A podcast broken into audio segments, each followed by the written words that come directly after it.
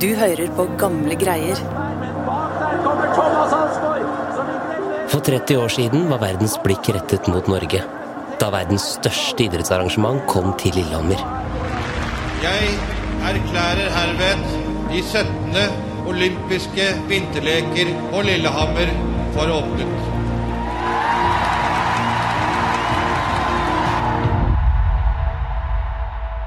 Nesten ti år før Lillehammer-OL i 1994 var en realitet, hadde en viljesterk tysker med stort hjerte for hjembyen en ellevill drøm.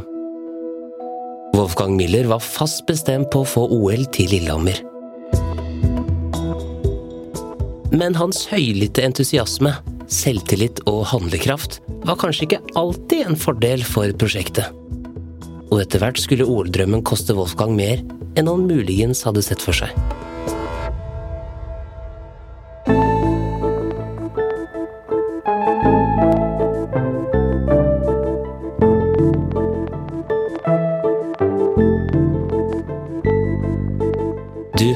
Gamle greier, en podkast fra Nasjonalbiblioteket.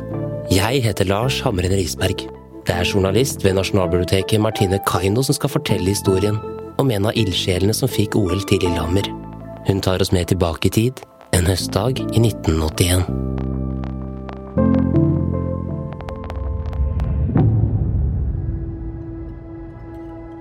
En frisk lørdag i oktober i 1981 satt Wolfgang Muller ved kjøkkenbordet en tidlig morgen.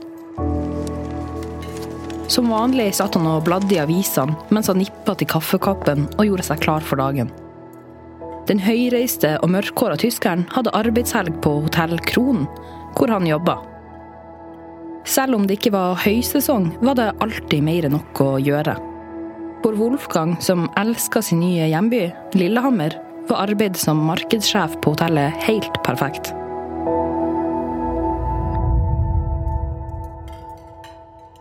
Omtrent halvveis ned i kaffekoppen fikk Wolfgang brått øye på en notis nederst på side 16 i avisa. Så liten at den lett kunne vært oversett. Men den fikk Wolfgang til å sperre opp øynene. For selveste OL-sjefen ble sitert. Når ikke kriteriene for å legge OL til Falun-Åre er til stede, er det ikke andre steder bortsett fra Lillehammer som kan arrangere vinter-OL i Norden.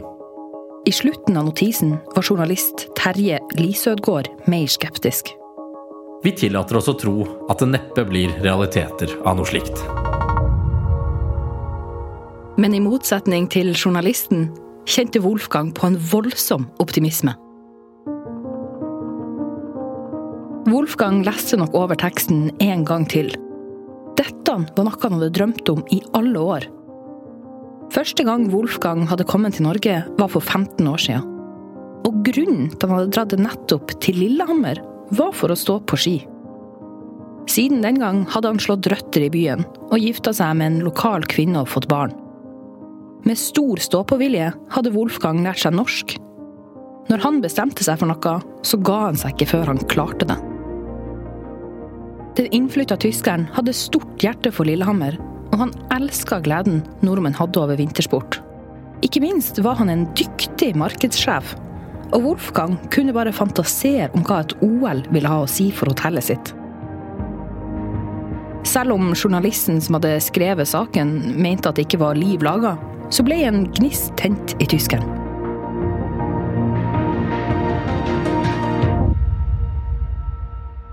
Men skulle Wolfgang faktisk få gjennomslag for en så vill idé, var det bare én mann å ta kontakt med. Selveste OL-sjefen i Norge. Entusiastisk løfta han pennen og begynte å skrive. Han la ut om ideen i det vide og breie, og skrev blant annet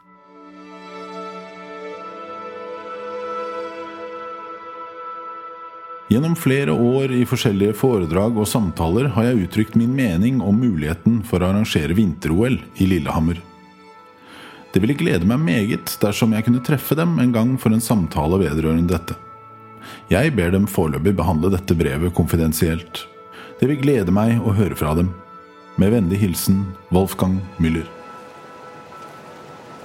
På vei gjennom høstløvet til stengevakta på hotellet den søndagen posta han brevet. Wolfgang så det forsvinne ned i postkassa, og med et spirende håp spaserte han videre til hotellet. Like etter delte Wolfgang det hele med kameraten Per Aspersletten. Per ble like begeistra som Wolfgang. Nå hadde tyskeren fått en viktig alliert, og Per kjente ordføreren i byen og skulle ta kontakt med han. Dagene gikk, og Wolfgang hadde ennå ikke hørt noe fra OL-sjefen. Han klarte ikke lenger å vente på et svar, og gjennom en bekjent klarte tyskeren å skaffe telefonnummeret til Arne Molén. Han bestemte seg raskt for å ringe. Og til Wolfgangs store glede var dette noe Arne Molén var svært nysgjerrig på. Selvfølgelig ville det være fantastisk med et OL på Lillehammer, mente Arne. Og da de møttes, klarte Wolfgang å overtale den norske OL-sjefen Arne Molén, som syntes det var en kjempeidé. Nå begynte tyskerens drøm virkelig å ta form.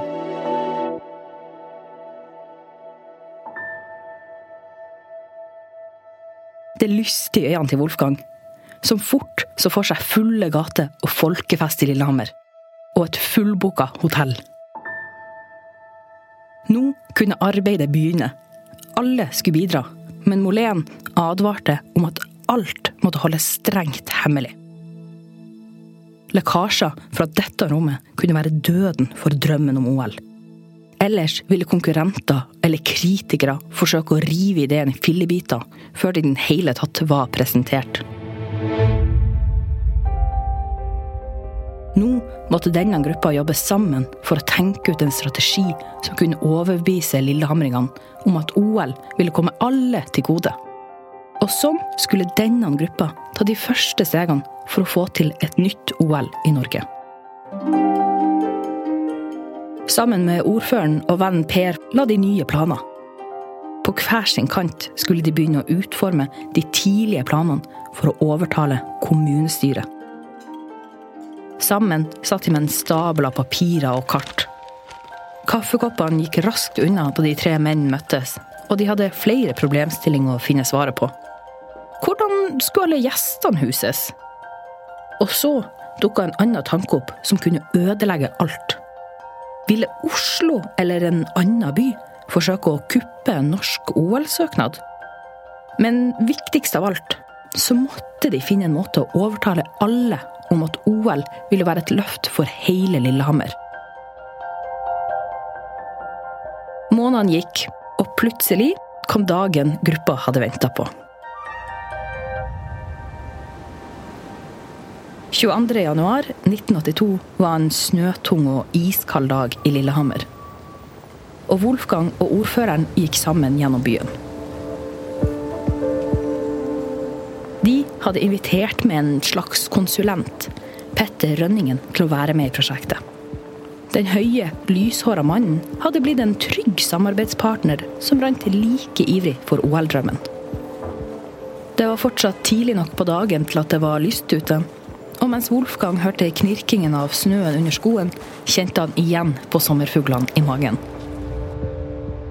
I flere måneder hadde gruppa arbeida i all hemmelighet, og i dag skulle planen om å få OL til Lillehammer endelig bli avslørt. På rådhuset kalte ordføreren inn til et ekstraordinært og hemmelig kommunestyremøte. Wolfgang og de andre venta i spenning. Etter en stund kom resultatet. Det ble enstemmig vedtatt å søke om OL til Lillehammer. Og nå gjaldt det å få hjulene i gang. Så snart klubba traff bordet og kommunestyret vedtok planen, fortalte ordføreren at en utredningskomité på fire stykker ville bli satt. De fikk ansvaret for å utrede hvordan et OL i praksis kunne se ut, og komme byen til gode. Men da ordføreren leste opp navnene til komitémedlemmene, ble Wolfgang overraska. Verken han eller Per var med på lista. Men det var konsulenten Petter Rønningen som skulle lede arbeidet. Wolfgang var ganske skuffa over å ikke ha blitt inkludert. Det var jo tross alt hans idé. Dagen etterpå Da Wolfgang gikk inn på hotellet sitt, fikk han et glimt av alle avisene i kiosken. På rekke og rad i hyllene var det nærmest sjokk og vantro å finne over OL-ideen. Og selv om det virka å være en unison skepsis for prosjektet, var Wolfgang fortsatt skråsikker på at dette kom til å bli en suksess. En dag da han satt på kontoret sitt på hotellet, så Wolfgang snøen lave ned utafor, og han kjente seg rastløs. Selv om tyskeren sto utafor OL-komiteens arbeid, kjente han fortsatt på et eierskap til prosjektet. Og han var ikke klar for å gi seg enda.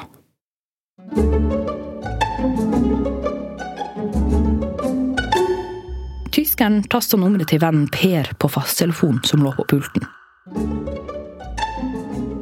Og sammen ble de enige om å lage en egen komité. En slags skyggekomité til den offisielle.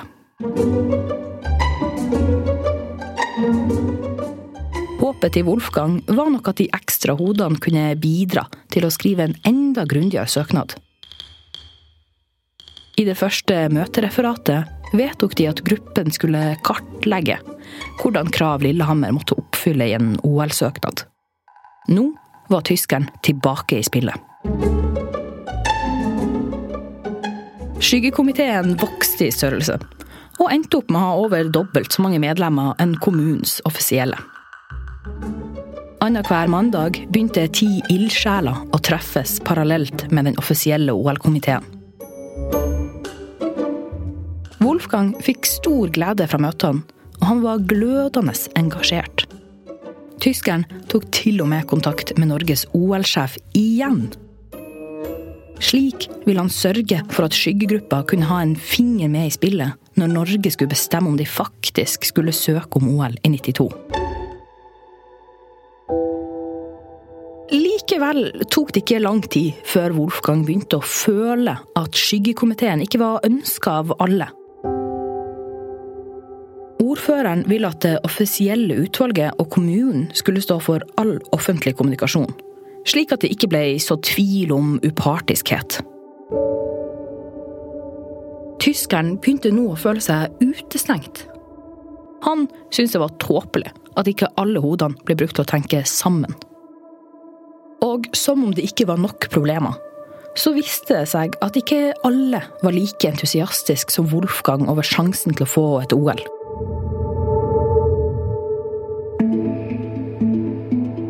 Vinteren 1983 ble det danna Nei til OL-gruppa, som leverte et opprop til ordfører. Mange var nemlig redd for at det ville koste den lille byen for mye. Mens andre mislikte hele konseptet OL og mente det var et sirkus prega av geopolitikk. Wolfgang og Per bestemte seg for å ta affære. De starta en motprotest til bevegelsen. Sammen med andre ildsjeler ble det neste halvåret brukt til å spre entusiasmen. Og over hele byen hengte de opp store plakater med Ja til OL i rødt, hvitt og blått, som Wolfgang hadde laga. OL skulle til Lillehammer.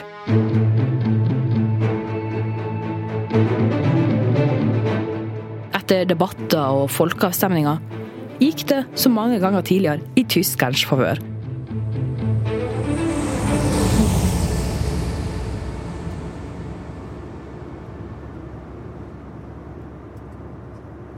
Høsten 1986 satt Wolfgang på et fly i retning Lausanne for den internasjonale avstemminga om hvordan land som skulle få OL seks år seinere.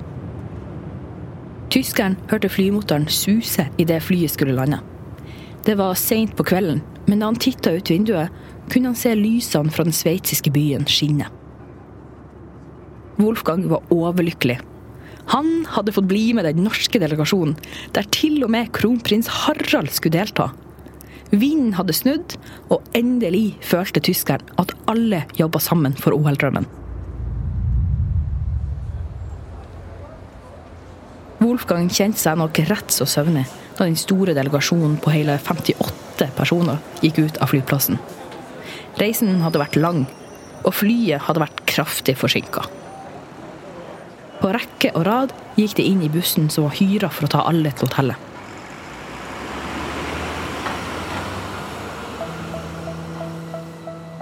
Men da Wolfgang satte seg og bussen begynte å kjøre, så han at ordføreren gikk rundt i flere av setene.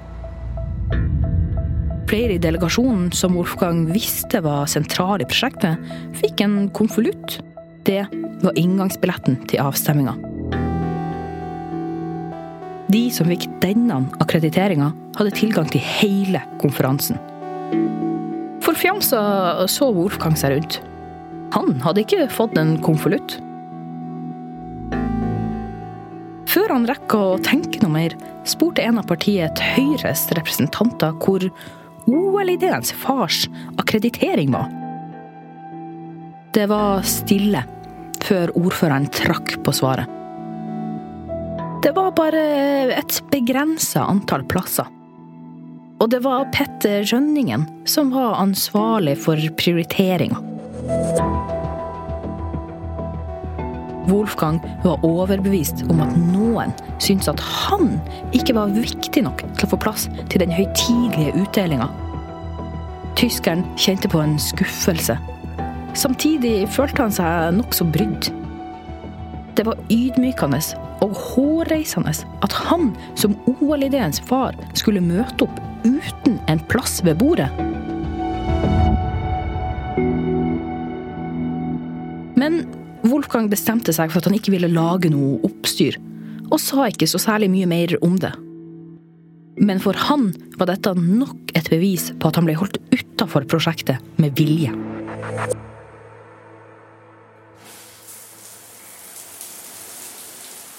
Neste morgen sto Wolfgang tidlig opp og hoppa rett i dusjen.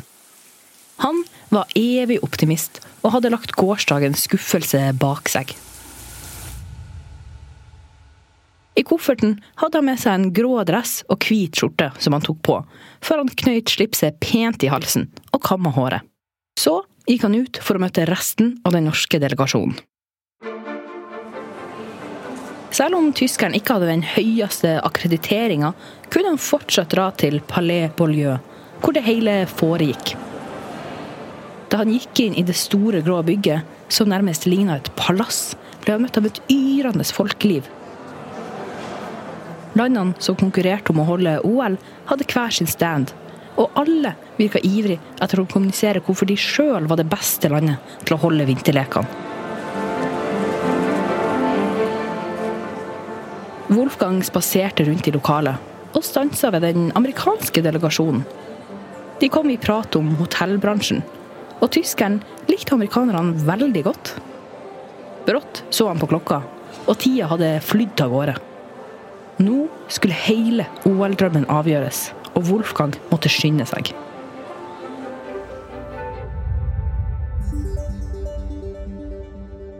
Klokka var blitt ti, og Wolfgang møtte den norske delegasjonen utafor hovedsalen der avstemminga skulle foregå. Alle var spente, og praten gikk. Nok en gang forsøkte Høyremannen å overtale både ordføreren og Petter Rønningen til å gi Wolfgang akkrediteringa. Men tyskeren måtte nøye seg med lykkeønskninger da de gikk inn. Skuffa så han dørene lukke seg, Men jeg hadde tårer i mitt hjerte, det skal jeg innrømme. Der sto jeg som jeg ikke fantes. Jeg som hadde sørget for at delegasjonen ikke satt hjemme og spiste kjøttkaker. Men da tyskeren var på vei til å gå til et av de mindre rommene med storskjerm, ble han stansa av den amerikanske delegasjonen han hadde snakka med tidligere på dagen. Tyskeren fikk spørsmål om hvorfor han sto ute på gangen og lettere oppgitt forklarte Wolfgang at han rett og slett ikke hadde fått plass. Men nå fikk han en ny sjanse. Amerikanerne hadde en ekstra plass, og ga den til Wolfgang.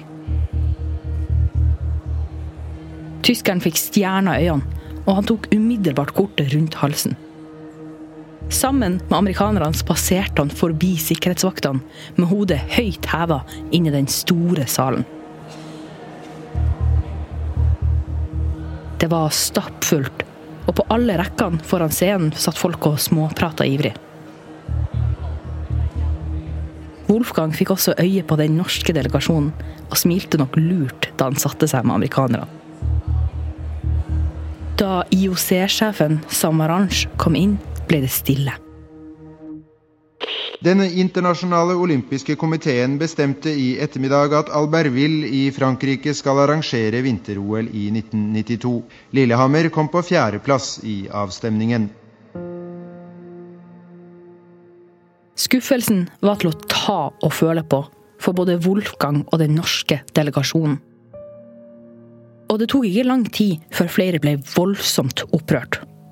Og etter tyskerens mening var det her en skandale. Flere mente at Norge var frarøva seieren på verst tenkelig vis, da den idrettslige meninga var at Albertville var et dårligere alternativ. Mange mente at tildelinga var et stort politisk spill for å blidgjøre noen av de sentrale IOC-toppene. Dette var et stort nederlag for Wolfgang og de andre OL-entusiastene. Skuffa måtte han reise hjem til Lillehammer. Men dagen etterpå kunne tyskerne nok en gang se i pressen at slaget ikke var tapt for godt. På fronten av avisa Dagningen lørdag 18.10.1986 sto det Striden om Lillehammer som OL-kandidat i 1994 er allerede i gang. Bare noen timer etter at det ble klart at det er Albertville som skal arrangere vinterlekene i 1992. Statsminister Gro Harlem Brundtland lover statsgaranti også for en ny søknad. Det kan bli et sterkt kort. Etter tapet i Sveits ble Wolfgangs rolle i OL-prosjektet mindre og mindre.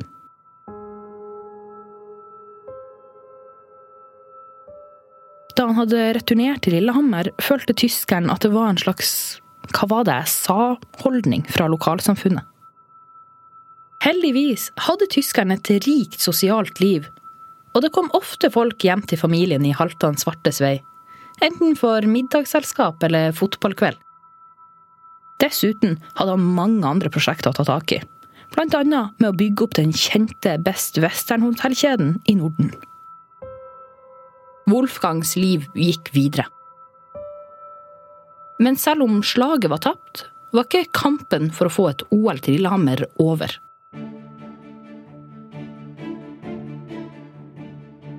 Det tok ikke lang tid før Norge nok en gang bestemte seg for å sende en søknad. Og selv om Wolfgang var overbevist på en seier denne gangen, var byen blitt prega av en splittelse. Det var ja-siden mot nei-siden. Wolfgang kjente på en skuffelse rundt hele prosjektet. Han hadde ønska at byen skulle samle seg rundt OL-planen, og ikke splittes. Selv om Wolfgang var ute av prosjektet, så kjente pressen til hans tidligere rolle i OL-kampen. En dag, da lokalavisa tok kontakt med han, bestemte tyskeren seg for å dele sin historie. Til slutt ble det nærmest vedtatt at OL-ideen skulle markedsføres av nordmenn. Det var ikke plass for en utlending. Jeg ble ekskludert fra det videre arbeidet, rett og slett.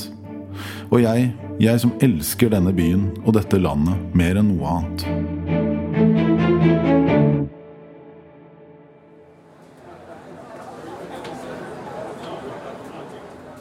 Høsten 1988 skulle den norske delegasjonen reise til Seoul med statsminister Gro Harlem Brundtland for avstemninga i IOC. Denne gangen var ikke Wolfgang invitert til å bli med. Og selv om han var fortvila, orka han ikke å kjempe for en plass. Da den norske delegasjonen sto på stand i Seoul, var Wolfgang ingen steder å se. Han var reist til fødelandet Tyskland for å delta på en reiselivsmesse. Her fikk han stå på stand og gjøre det han likte aller best snakke med folk. Sjøl om avstemninga lå lurte i bakhodet, brukte han tida på å fremsnakke Lillehammer som turistby. Med eller uten et OL.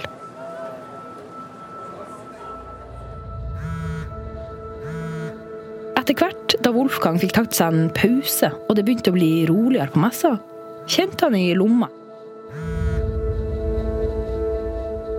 Da han så på skjermen, så han flere meldinger fra venner og bekjente som gratulerte. Det bobla i Wolfgang. Kunne det stemme? Hadde Lillehammer fått OL? Wolfgang hasta bort til resten av nordmennene han var sammen med. De måtte finne en TV. Noen henta champagne, mens resten fant fram fjernsynet. Spent samla de seg rundt den og skrudde på. The decision is Lillehammer. Wolfgang kunne knapt tro det. Lillehammer skulle holde de olympiske leker vinteren 1994. Han hoppa nærmest i taket av glede. Champagnen brusa i glasset, og menn lo og skålte. Det hadde vært en lang dragkamp. Wolfgang hadde følt seg utesperra og bortglemt fra et prosjekt han hadde behandla som sitt eget hjertebarn. Tyskeren hadde aldri gitt opp den spinnville tanken om vinterleker i Lillehammer. Og nå følte Wolfgang at motgangen ikke hadde vært nytteløs. Det som hadde begynt med en liten spire av en idé ved frokostbordet i 1981, hadde etter så mange år båret frukter.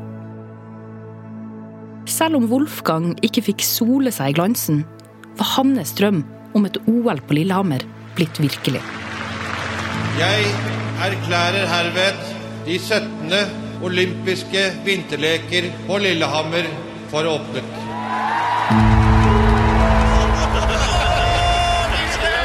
Dette her har vi drømt om lenge. Vi har snakket om denne fantastiske tiden. Setter første, og så kommer Espen. Og det er bra vindforhold, så vidt jeg kan bedømme. Og det blir veldig langt. Han står! Han satt ikke nedslager. Han må da være olympisk mester. Fire meter! Norsk! Elitebakke. Og så for liksom å understreke, så setter han bakkerekord. Jeg har ikke opplevd maken. To you, the people of Norway, it is my great honor to say that you are the real winners, the best Olympic Winter Games ever.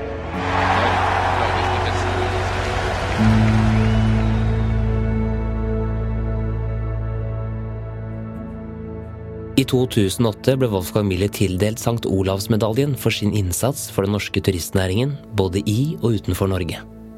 Han bodde i Lillehammer livet ut, hvor han fortsatte å engasjere seg sterkt i lokalsamfunnet. Og fikk være nær den norske naturen, som han hadde blitt så glad i siden han først kom til Norge på slutten av 60-tallet. Audun Tron, tidligere ordfører i Lillehammer, bekrefter Wolfgangs rolle i å få OL til byen i et intervju med Dagsavisen i 2014. Der sier han at han tviler på at OL hadde kommet til byen, hvis ikke det hadde vært for Müller. Dette begrunner han med at han ikke tror noen andre hadde fantasi nok til å sette det hele i gang. Asbjørn Svartstad, som tidligere jobbet som journalist i Lillehammer, skrev i en kommentar i Nettavisen i 2023 i forbindelse med Wolfgang Müllers bortgang at han på slutten av 70-tallet møtte tyskeren som allerede den gang la fram drømmen om OL i Lillehammer. Miller døde i 2023. Han ble 80 år gammel.